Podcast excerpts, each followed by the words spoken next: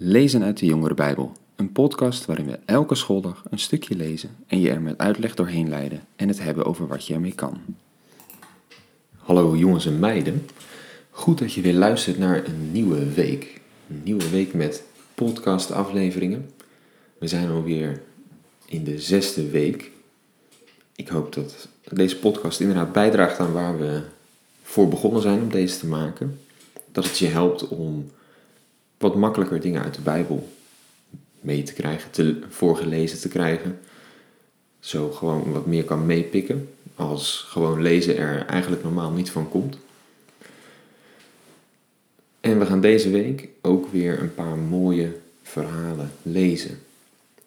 En zoals ik al eerder zei, verhalen in het Oude Testament, dat zijn mooie verhalen inderdaad. Dat zijn verhalen die we kennen van de zondagschool. Verhalen met nou, vaak wel een les die je eruit kan leren. Maar ik heb ook gezegd dat, dat er vaak een diepere laag in zit. Dat het vaak op een bepaalde manier uh, nog een andere boodschap heeft. En je zou eigenlijk kunnen zeggen dat bijna alle verhalen, misschien wel alle verhalen uit het Oude Testament, op een manier verwijzen naar wat Jezus gedaan heeft of nog gaat doen. En het verhaal wat ik deze week met jullie wilde bekijken, is daar het verhaal bij uitstek voor, wat dat echt heel goed laat zien.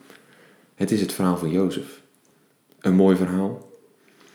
Maar als je het nog eens goed bekijkt, met dit in je achterhoofd, dan zie je eigenlijk best wel snel dat het op heel veel manieren inderdaad lijkt op het verhaal van Jezus. En ik zal die daar ook op wijzen. dus dat verhaal gaan we lezen deze week in vijf stukken dus. En we beginnen vandaag met het begin in Genesis 37 vanaf vers 1. Ik zal voor jullie lezen. Jacob vestigde zich in Canaan, het land waar ook zijn vader als vreemdeling gewoond had. Dit is de geschiedenis van Jacob en zijn nakomelingen.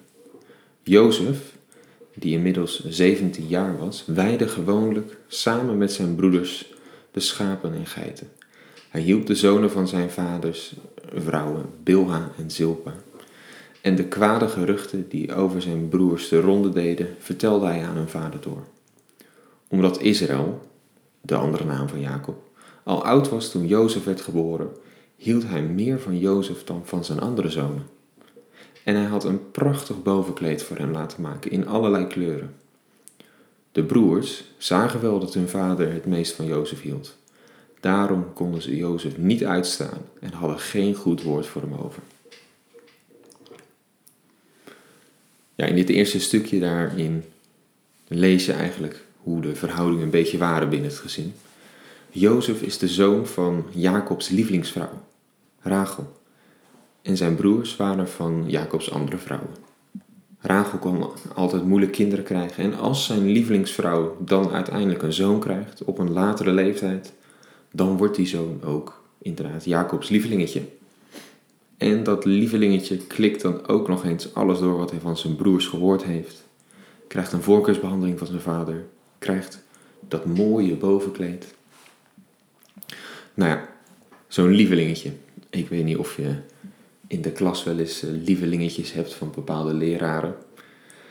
Uh, maar als ze dan ook nog een beetje gaan, door gaan klikken, eh, als, ze, als je allemaal dingen doet in de les die gewoon voor de grap bedoeld zijn. Je kan je voorstellen dat dat soort kinderen niet echt per se uh, geliefd zijn bij de rest. En je kan je dus ook vast wel voorstellen dat Jozef zich niet bepaald geliefd maakte bij zijn broers. Maar het gaat verder, want er is meer reden waarom zijn broers Jozef niet zo mogen. Laten we nog maar even verder lezen. Op een keer had Jozef een droom. Toen hij die aan zijn broers vertelde, hadden ze een nog grotere hekel aan hem. Moeten jullie nu eens horen wat ik gedroomd heb, zei hij. We waren op het land schoven aan het binden. En toen kwam mijn schoof overeind en bleef rechtop staan. En jullie schoven ging om die van mij heen staan en bogen daarvoor. Zijn broers zeiden: Dacht je soms koning over ons te worden? Wil je over ons heersen? Vanwege dat gepraat over zijn dromen gingen ze hem hoe langer hoe meer haten. Opnieuw kreeg hij een droom. die hij aan zijn broers vertelde. Ik had alweer een droom, zei hij. Nu bogen de zon, de maan en de elf sterren zich voor mij neer. Toen hij dit aan zijn vader en zijn broers vertelde, wees zijn vader hem terecht. Zeg, wat is dat nu voor een droom? Moeten ik, je moeder en je broers ons soms voor jou komen neerbuigen? Jozefs broers werden verteerd door jaloezie, maar zijn vader bleef nadenken over wat er gebeurd was. Ja, Jozef krijgt hier twee dromen, die eigenlijk allebei zeggen dat hij over zijn broers en ouders zou heersen, als een soort koning. En daarover praat hij met zijn familie. Maar voor zijn broers was het alleen nog maar een teken dat het hem naar het hoofd gestegen was. Dat arrogante broertje van hem. Nou ja, tot zover het bekende verhaal. Hè? Maar hoe zit het met die diepere laag? Dat dit eigenlijk dus naar Jezus verwijst. In het verhaal van Jozef eh, zou je kunnen zeggen dat Jozef eigenlijk de hele tijd naar Jezus verwijst. En zijn twaalf broers dan? Die twaalf broers die staan voor de twaalf stammen van Israël. En die laatste link is niet zo gek eigenlijk, want uit de twaalf zonen van Jacob, die dus ook de naam Israël heeft gekregen, daar zijn daadwerkelijk ook die twaalf stammen van Israël uit voortgekomen. Als je gaat opzoeken wat de namen van die twaalf stammen, die twaalf grote families van het land Israël zijn, Juda, Benjamin, Dan en zo, dan zijn dat ook de namen van de broers van Jozef.